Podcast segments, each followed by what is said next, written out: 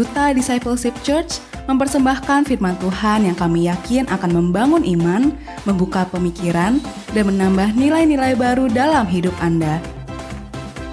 Dari Indonesia, selamat mendengarkan.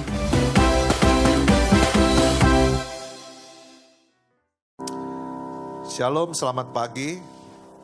Senang bisa ada di tempat ini. Nama saya Pendeta Soleman Irwan. Senang bisa bertemu Bapak Ibu sekalian. Terima kasih Pak Andreas untuk undangan buat saya sharing. Untuk Ibu juga. Nah, eh, tema yang diberikan adalah integrity menjadi bagian daripada eh, values atau nilai daripada gereja ini, yaitu fire. Ya. Saudara, values itu menjadi penting sekali karena Eh, sesu, sebuah sesuatu itu dianggap mahal atau tidak ditentukan oleh nilai.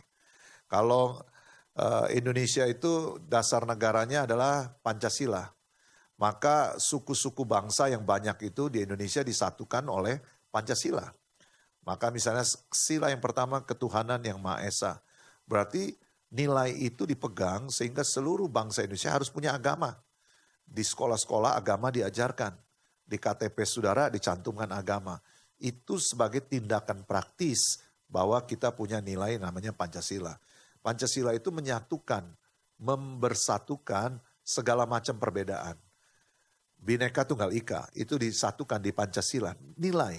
Nah, saudara kita kumpul di sini, sukunya macam-macam. Latar belakang pendidikan macam-macam. Kita asal dari daerah yang macam-macam beberapa dari kita berasal dari gereja yang sebelumnya sudah ada gereja. Sehingga masing-masing punya bawaan masing-masing. Dengan adanya nilai itu menyatukan. Inilah DDC, gereja DDC dengan nilai yang seperti ini yang ditentukan oleh gembala. Sehingga kita jadi satu mengikuti aturannya DDC. Misalnya kalau saya lihat salah satu nilai DDC yang ada di situ misalnya excellence. Maka ada kreativitas. Habis lagu pertama saya langsung khotbah. Ternyata ada service director yang mengatur semuanya dan ada setiap minggu berbeda. Ah, itu bagus. Karena dunia kita sangat berbeda, sangat berbeda sekali. Jadi zaman saya sekolah itu naik angkot aman. Coba sekarang hari ini anak-anak kita disuruh naik angkot. Oh nggak ada kayaknya. Biasanya disuruh dijemput mobil pribadi atau motor pribadi atau apa aja. Udah zaman udah beda. Kalau herannya kita suka ketemu gereja yang lagunya sebelum saya bertobat dinyanyiin, sampai saya punya anak masih dinyanyiin. Jadi uh, gereja kadang-kadang nggak mau berubah. Sementara kita yang kerja di marketplace Senin sampai Sabtu atau Senin sampai Jumat mengikuti perubahan yang sangat cepat sekali. Nah, dengan adanya ini berarti ada satu value yaitu excellent yang selalu mau mengadakan perubahan. Itu luar biasa. Saya sangat diberkati dengan uh, gereja saudara di tempat ini. Beri tepuk tangan buat semua kita di sini. Ya. Nah, uh, hari ini mari sama-sama buka Alkitab saudara 1 Samuel pasal 12 ayat 1 sampai 4 saja. Saya baca ayat ganjil, saudara baca ayat 2. 1 Samuel pasal ya ke-12. Cerita tentang tokoh yang bernama Samuel. Saya baca ayat 1, saudara baca ayat 2 ya. Mari kita sama-sama ya. Saya mulai dulu nanti saudara ayat 2. Berkatalah Samuel kepada seluruh orang Israel. Telah kudengarkan segala permintaanmu yang kamu sampaikan kepadamu. Dan seorang raja telah kuangkat ke atasmu. Jadi ada perubahan di bangsa Israel. Yang tadinya nggak pernah ada raja, sekarang minta ada raja. Jadi mereka masuk di 5G gitu, generation 5 kalau di internet. Melakukan perubahan. Sekarang saya mau raja. Israel berubah. Oke, ayat 2 baca sama-sama. 2 3.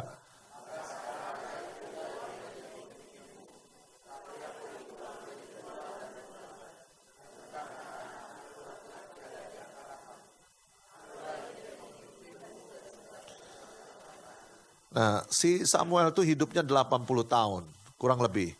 Kalau dia muda ya mungkin sekitar 18, 19, 20 tahun. Berarti dia sekitar 60 tahun dia jadi pemimpin ya. Di sini aku berdiri, berikan kesaksian menentang aku di hadapan Tuhan dan di hadapan orang yang diurapinya.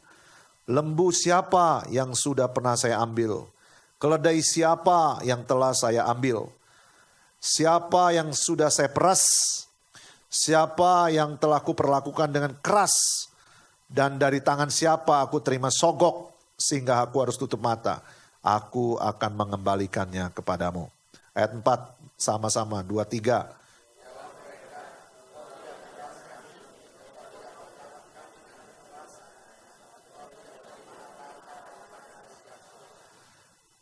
Nah, saudara-saudara, itu eh, Samuel men-challenge bangsa Israel pada waktu itu. Oke, selama puluhan tahun saya memimpin kamu.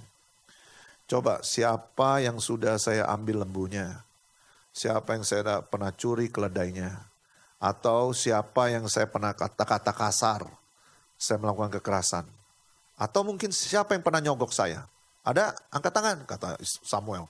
Kira-kira jumlahnya ada jutaan orang waktu itu. Ada angkat tangan, ayo siapa? Saya berdiri di sini. Ujilah aku. Oke, siapa yang pernah saya curi lembunya? Siapa yang saya pernah ambil keledainya? Siapa yang saya pernah kekerasan?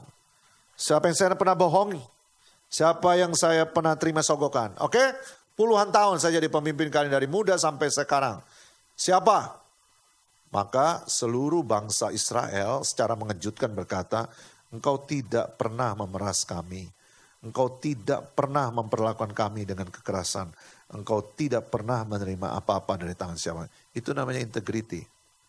Seluruh hidupnya itu nggak ada kesalahan yang dilakukan. Jadi integrity dalam bahasa aslinya berasal dari kata integer, integer, integer. Itu adalah the whole of anything, keseluruhan. The whole of anything itu artinya keseluruhan hidupnya, keseluruhan karakternya jadi bukan bagian. Ada karakternya yang baik, ada karakternya yang buruk. Itu bukan integrity. Integrity itu adalah the whole of anything. Nah, seorang yang bernama uh, seorang yang bernama Charles Swindoll pernah bercerita kisah nyata di Amerika Serikat di mana ada sepasang laki-laki dan perempuan sedang mengendarai mobil mau pergi ke tepi pantai, mau tamasya. Kira-kira begitu.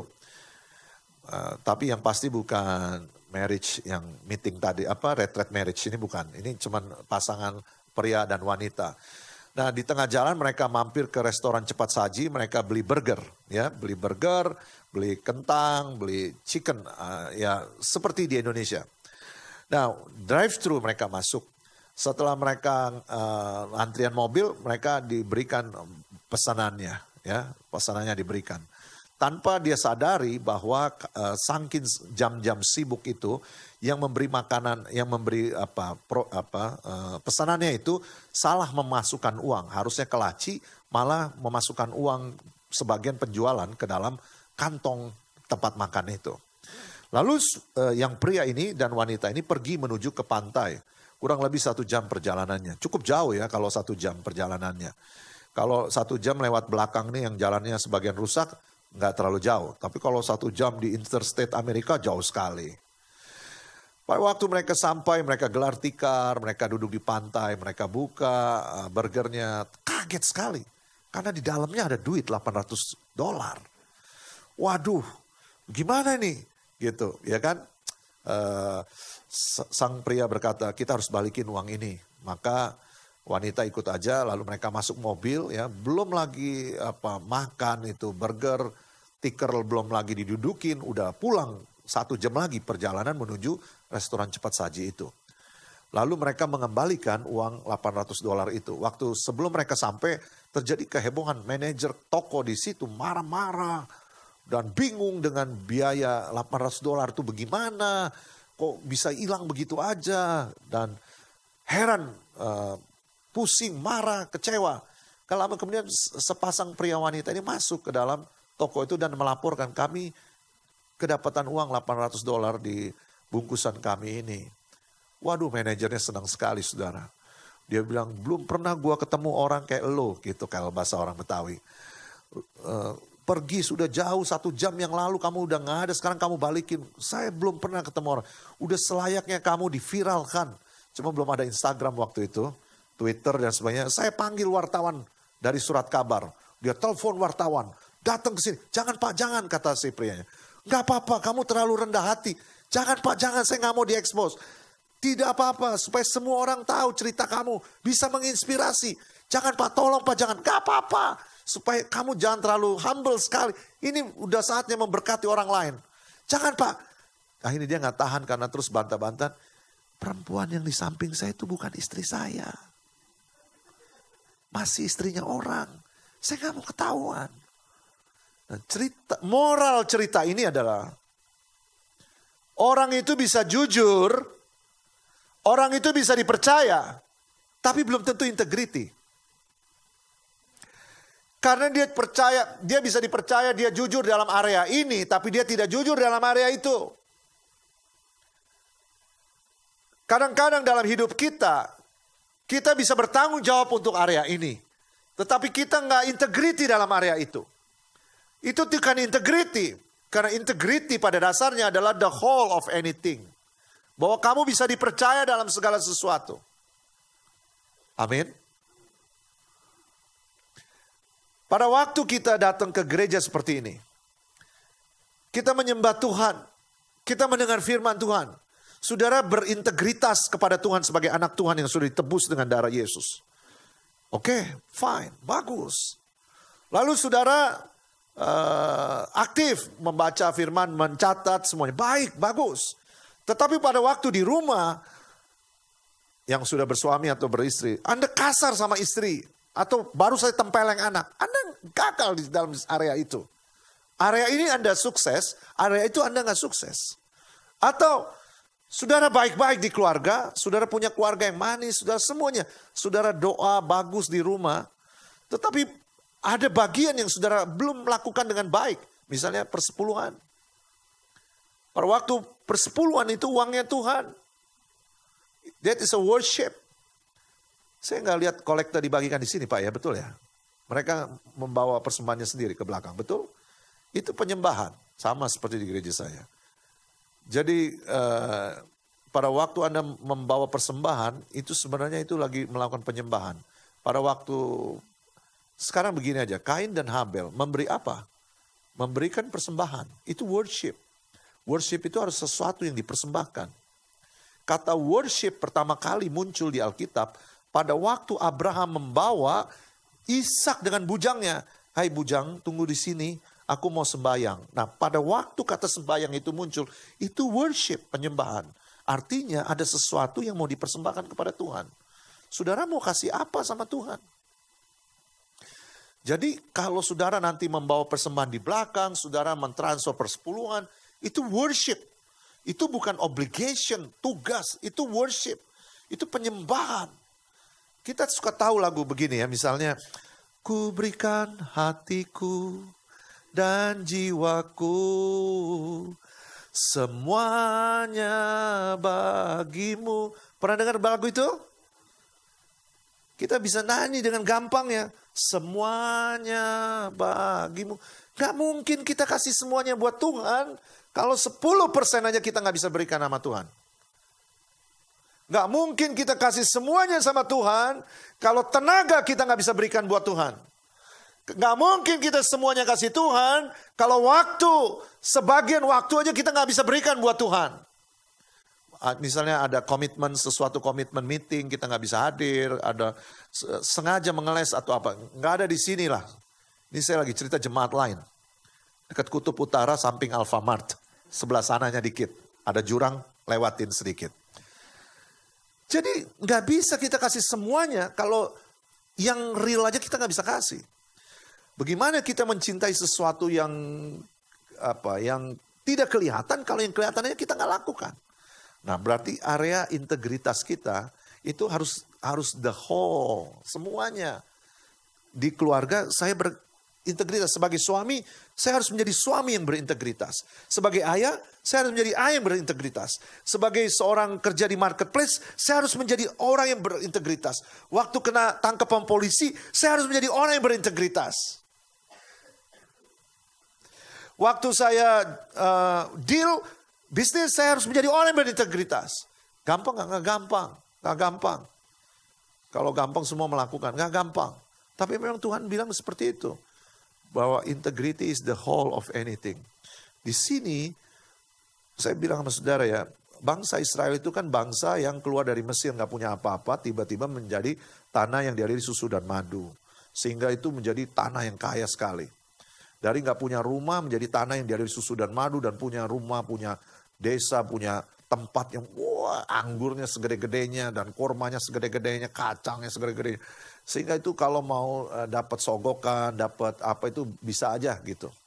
Tapi si Samuel berdiri di depan, kalau ada yang terima sogok, nyogok pernah nyok, sogok saya, kalau ada yang pernah saya rugikan, lapor, saya akan ganti. Dan happy ending luar biasa. Endingnya luar biasa. Kamu tidak pernah terima sogokan, kamu tidak pernah melakukan kekerasan, kamu tidak pernah mencuri. Waduh, berarti dia integrity, the whole. Samuel baik dalam mendidik anak-anaknya, Samuel baik dalam memimpin jemaahnya, Samuel berintegritas.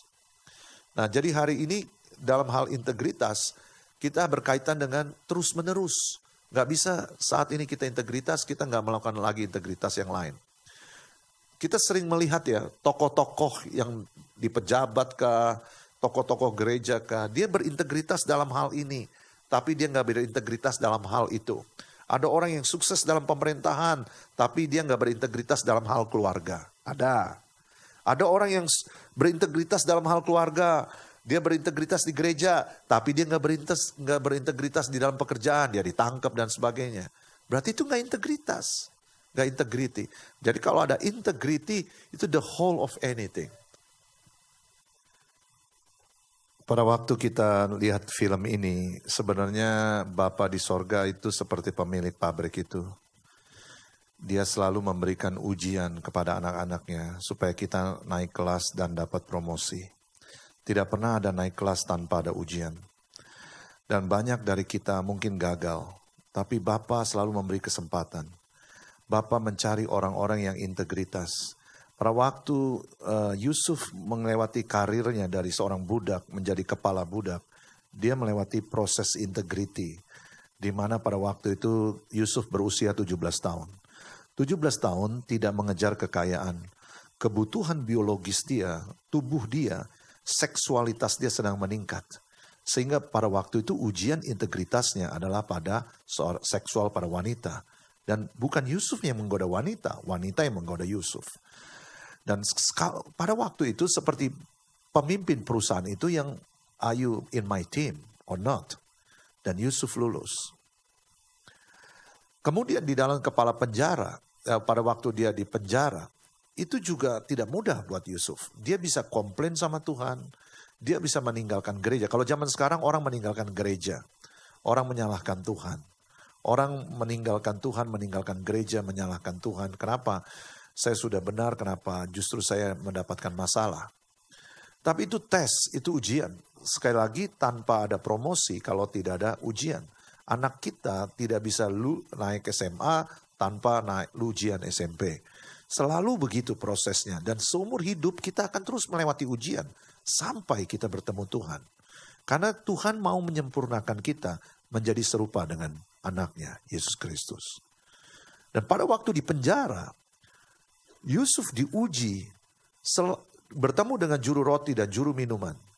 Dan Yusuf pada waktu bernubuat eh, dan berkata, mengartikan mimpi bahwa kamu akan dipulihkan. Ingatlah akan aku.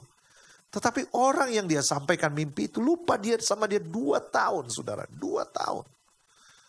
Dua tahun itu bukan waktu yang lama, uh, cepat, itu lama.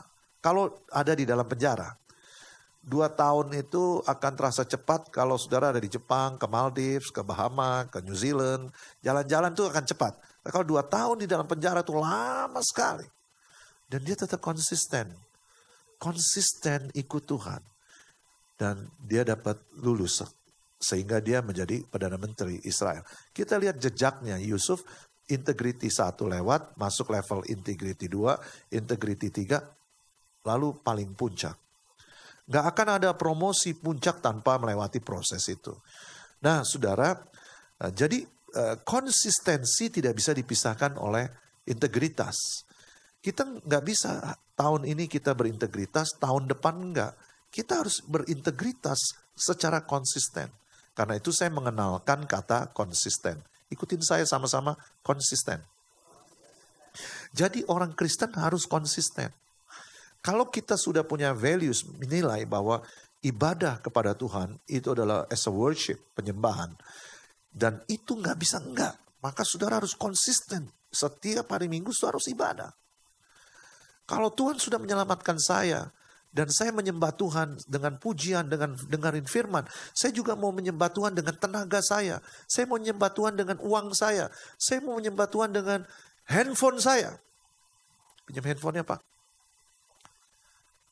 Dengan handphone saya, saya bisa posting ibadah di DDC jam segini, jam segini, jam segini.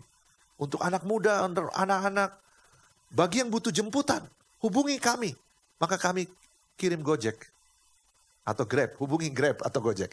Anyway, pakai handphone saudara. Pakai sosmed saudara. Sebagai tanda saudara worship kepada Tuhan. Memang hari Senin, ibu-ibu biasanya ya, hari Senin atau Selasa, posting di Facebooknya. Hari ini masak teri, pete, sambal, ikan asin. Lalu diposting fotonya. Oh di bawahnya sis, waduh enak sekali rasanya. Bagi dong, main dong ke sini. Gitu kan biasa itu Selasa, Rebo. Tapi begitu hari Jumat, hari Sabtu, temukan inspirasi, temukan kekuatan di dalam hadirat Tuhan. Datanglah di DDC. Saudara bisa pakai itu. Itu saudara pakai handphone saudara untuk alat untuk menyembah Tuhan. Amin. Lakukan secara konsisten. Karena konsistensi membangun reputasi. Sekali lagi, konsistensi membangun reputasi. Kalau saya punya kuliner, punya restoran, nggak konsisten, maka saya ditinggalin pelanggan. Hari ini saya punya menu nasi goreng, keasinan. Besok enak. Enak. Besoknya lagi tawar.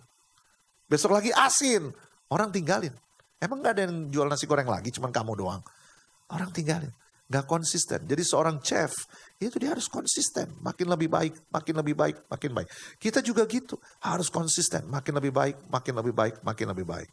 Jadi konsistensi membangun reputasi. Ada kuasa pada waktu kita kuasa, power dalam waktu konsisten, waktu kita konsisten. Sebuah batu yang keras sekali bisa lubang oleh air, pada waktu air itu secara konsisten menetes pada titik yang sama, di batu yang sama, akan lubang. Maka kalau kita ke pantai, kita melihat batu karang itu bentuknya nggak beraturan. Karena ombak itu konsisten memukul itu batu yang keras namanya batu karang. Tetap berlubang. Dan bentuknya macam-macam. Jadi konsistensi membangun reputasi. Ada kuasa pada waktu kita konsistensi. Yusuf konsisten, Yusuf konsisten. Nah kita melihat Joshua dan Kaleb dan 10 pengintai yang lain. Ada berapa pengintai? 12. Nama dua yang berhasil siapa? Joshua dan Kaleb. Saya mau tanya, ada yang tahu nama 10 pengintai? Satu orang aja. Yang 10. Nama salah satu dari sepuluh itu, ada yang tahu? Kalau nama yang dua yang berhasil siapa? Oke. Nama salah satu dari sepuluh. Ada yang tahu? Biasanya kita nggak ada yang tahu. Orang yang tidak punya reputasi, orang yang tidak konsisten, dia numpang lewat aja dalam sejarahnya Tuhan. Padahal mereka sepuluh, yang diingat cuma dua. Dan mereka semua orang hebat. Mereka 12-12-nya orang hebat. Mereka dipilih dari setiap suku satu pemimpin. Ada 12 suku, oke? Okay? Ada 600 ribu orang laki-laki berjalan kaki dari Ramses ke Sukot, oke? Okay? 600 ribu dibagi 12, 50 ribu. Jadi setiap 50 ribu dipilih satu, 50 ribu dipilih satu, 50 ribu dipilih satu. Saudara 50 ribu itu setengah stadion Bung Karno.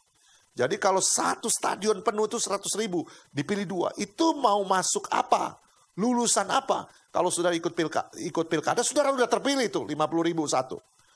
Itu kalau sampai 50 ribu satu, pilih, udah, udah bagus sekali. Masuk universitas yang paling bergengsi pun, saudara lulus tes. Jadi 12 orang ini adalah orang yang leadershipnya hebat. Karena akan masuk ke tanah musuh. Leadershipnya hebat, pemberani, eh, fisiknya hebat, nggak mungkin dia apa itu uh, sakit asma atau atau bengek ya, gitu. Belum nyampe udah bengek dulu mati dia. Atau dia pengecut, misalnya, ah kecoa gitu, aduh, Gak bisa dia. Dia orang yang berani. Dia smart. Decision cepat sekali ngambil keputusan. Orang yang sangat bijak. Pasti. Karena 50 ribu cuma satu yang dipilih. Dan yang milih Musa. Pakai doa lagi. Kan Musa berdoa malam itu mungkin. Tidak ditulis Alkitab. Tuhan besok akan dipilih.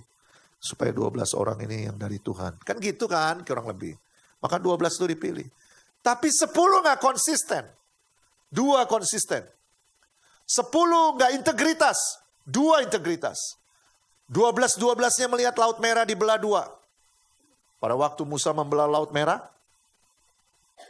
Dua belas kan lewat kan? Itu SeaWorld yang pertama. Yang Ancol SeaWorld yang kedua. Bedanya apa? SeaWorld yang pertama. Waktu mereka lewat tuh dinding air itu. Mereka bisa set kerapu. Set, udang.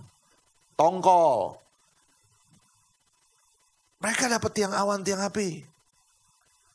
Mereka lewat padang gurun, gak pernah ganti sepatu. Kakinya tambah besar dong. Bener gak? Kaki tambah besar loh. Anak-anak dari 17 tahun jadi tambah tua. Tambah besar kan? Ada di sini yang saya dari umur SD gak ganti sepatu pak. Kakinya sama terus. Kecil sebelah loh, cacat loh nanti.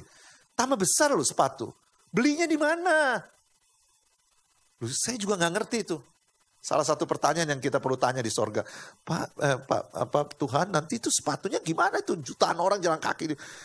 Lagian kalau mau buka toko juga susah, tokonya segede apa? Jadi saya curiga tuh sepatunya ikut membesar sendiri menyesuaikan. Kayak rahim wanita itu kecil, tapi kalau punya anak tuh membesar sendiri dia ikutin. Pokoknya mujiat banyak sekali. Tapi semua mujiat tuh dia lupa. Waktu masuk ke mengintai tanah perjanjian. Mereka lihat raksasa. Joshua Kaleb juga lihat raksasa. Mereka lihat ke enam suku bangsa. Orang Het, orang Yebus, orang Kanaan, orang Amori. Enam suku bangsa. Joshua Kaleb lihat yang sama. Lihatnya sama, responnya beda. Dipengaruhi oleh in, integritas mereka mengikut Tuhan dan konsistensi mereka ikut Tuhan. Kita tahu Sepuluh pengintai itu nggak masuk tanah perjanjian. Sampai hari ini kalau ditanya, siapa nama sepuluh pengintai itu? Mohon maaf, nggak ada yang hafal. Jadi kalau mau punya anak viral, namain aja salah satu dari sepuluh itu. Semua anak namanya Joshua dan Caleb. Jarang ada dari sepuluh nama itu. Jadi hidupnya numpang lewat. Orang yang gak ada integritas dan konsisten, numpang lewat. Joshua dan Caleb konsisten. Dan mereka konsisten, karena mereka konsisten sama Tuhan, Tuhan konsisten sama mereka. Mereka masuk tanah perjanjian. Dua-duanya. If you are persistent, you will get it. Kalau kamu tekun, kamu bisa mencapai sesuatu, achievement.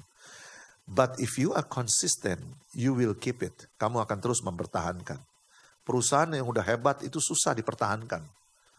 Dia harus terus menerus renewing, renewing, memperbarui. Nah Bapak Ibu sekalian, saya tutup dengan cerita itu. Jadi konsistensi membangun reputasi. Jadi kita nggak bisa integri, apa, eh, integriti dalam hal ini, nggak integriti dalam hal itu. Kita integriti dalam pelayanan, kita nggak integriti dalam perpuluhan. Kita nggak bisa integriti dalam perpuluhan, kita nggak integriti dalam hubungan suami istri. Kita harus integriti dalam the whole thing, integer, the whole of anything. Amin. Mari kita bangkit berdiri.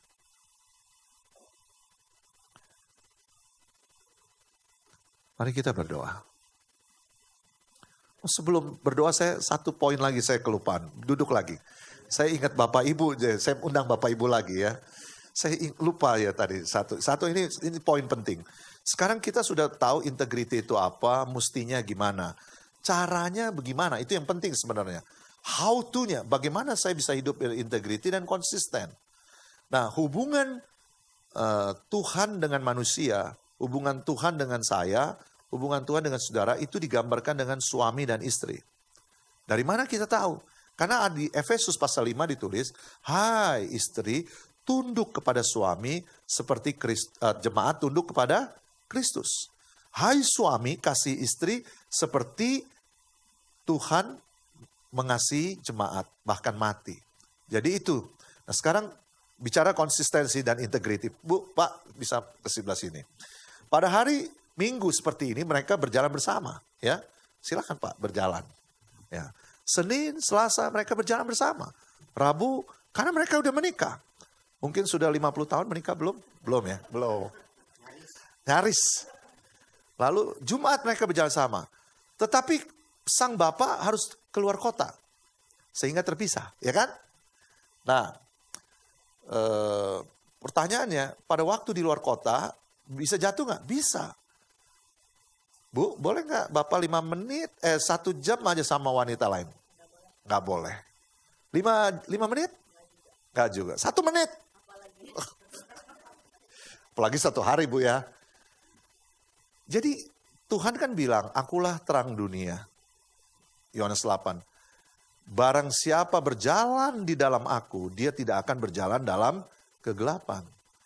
Kenapa ada pendeta begini? Kenapa ada orang Kristen begitu? Kenapa ini kena tangkap? Kenapa ini selingkuh? Kenapa ini cerai? Kenapa ini pencuri? Kenapa ini? Karena dia nggak berjalan di dalam Kristus. Karena Tuhan udah bilang, barang siapa berjalan di dalam aku, dia tidak akan berjalan dalam gelap. Nah Pak, kan dia udah Kristen. Berarti dia udah jalan sama Tuhan. Belum tentu, kasusnya seperti ini. Sang Bapak harus meninggalkan, uh, atau kita nggak konsisten di dalam terang. Sehingga kita jatuh pada waktu satu hari, dua hari ketahuan dan semuanya rusak semuanya. Rusak. Jadi Tuhan mau seperti suami istri ini yang selalu bersama-sama. Tuhan seperti jemaat, Tuhan mati buat jemaat, jemaat harus tunduk pada Tuhan. Seperti itu bersama-sama, terus bersama-sama. Amin. Beri tepuk tangan buat mereka. Karena pada dasarnya Tuhan gak mau kita lima menit pun di dalam gelap. Kita bukan anak gelap, kita anak terang katanya. Semua dosa itu dalam gelap. Contoh, kalau mencuri itu pasti sembunyi-sembunyi. Apa ada yang mencuri terang-terangan? Posting di sosial medianya. Saya baru mencuri uang perusahaan, asik gitu-gitu. Selingkuh, apa pernah terang-terangan? Gak ada. Dukun, bajunya hitam, dokter bajunya putih. Heran ya, kenapa nggak dibalik ya? Praktek dukun, terima di jalan tol. Praktek dukun gitu. Pas dukun gelap-gelap, asap begitu. Nggak boleh dalam gelap. Dan Tuhan nggak mau meskipun sedih. Jadi integrity how to berjalan dalam Yesus terus menerus tidak boleh lepas. Mari bangkit berdiri. Bapak hambamu sudah selesai menyampaikan firmanmu. Tuhan kuduskan kami. Bapak Ibu yang datang dengan suami dan istri boleh pegangan tangan. Sebelum saya tutup saya mau bertanya kepada Bapak Ibu sekalian. Integritas itu adalah the whole of anything dalam segala hal. Bukan cuma di gereja, tapi juga di rumah. Tapi juga di kantor. Tapi juga apa yang ada di dompetmu. Tapi juga apa yang ada di dalam kamar tidurmu. Tapi juga apa yang ada di laptopmu Gak ada yang dalam gelap, semuanya dalam terang. Karena Kristus berkata, Akulah terang dunia. Barang siapa mengikut aku, dia tidak ada di dalam kegelapan. Jadi tidak boleh pernah lepas dari Tuhan. Hari ini waktu engkau dengar firman ini dan berkata, Tuhan, saya mau menyembah Tuhan dengan apa yang saya punya. Tenaga, uang, talenta, handphone, sosial media saya, supaya Tuhan dimuliakan. Kalau engkau berkata demikian, ini aku Tuhan, pakailah aku. Sebelum tahun 2019 ini tutup, aku mau bawa jiwa-jiwa kepada engkau. Aku mau jadi teladan. Aku mau benar di hadapan istri. Aku mau benar di hadapan suami. Aku mau integritas di hadapan anak-anak. Aku mau integritas di hadapan bos. Aku mau integritas yang paling utama di hadapan Tuhan. Kalau ada, sudah taruh tanganmu di dadamu. Bapa, hambamu sudah selesai menyampaikan. Hambamu juga taruh tangan di dada. Karena hamba lemah, kami semua lemah. Kami mau menjadi serupa dengan Yesus. Kami yang punya suami dan istri bergandengan tangan hari ini. Kami mulai dari rumah kami. Mulai dari suami dan istri. Karena menggambarkan Kristus dengan jemaat. Lalu mulai kepada lingkungan kami. Yang masih single, kami mau punya integritas bahwa terang tidak bisa bersatu dengan gelap terang harus bersama dengan terang. Karena itu kami tidak mau memilih pasangan hidup yang tidak seiman. Kami yang diberkati dengan keuangan, Kami mau memberkati Tuhan melalui pelayanan di gereja ini. Melalui apa yang bisa kami bantu. Kami yang punya hal-hal yang resources, kami mau pakai buat pekerjaan Tuhan di gereja ini. Berkati Bapak Gembala dan Ibu, Pak Andres dan Ibu, Tuhan terus pakai memberkati DDC menjadi berkat bagi banyak orang buat kota ini, kota Jakarta dan bangsa-bangsa. Dalam nama Tuhan Yesus, mari sama-sama katakan, amin. Kita beri kemuliaan buat Tuhan.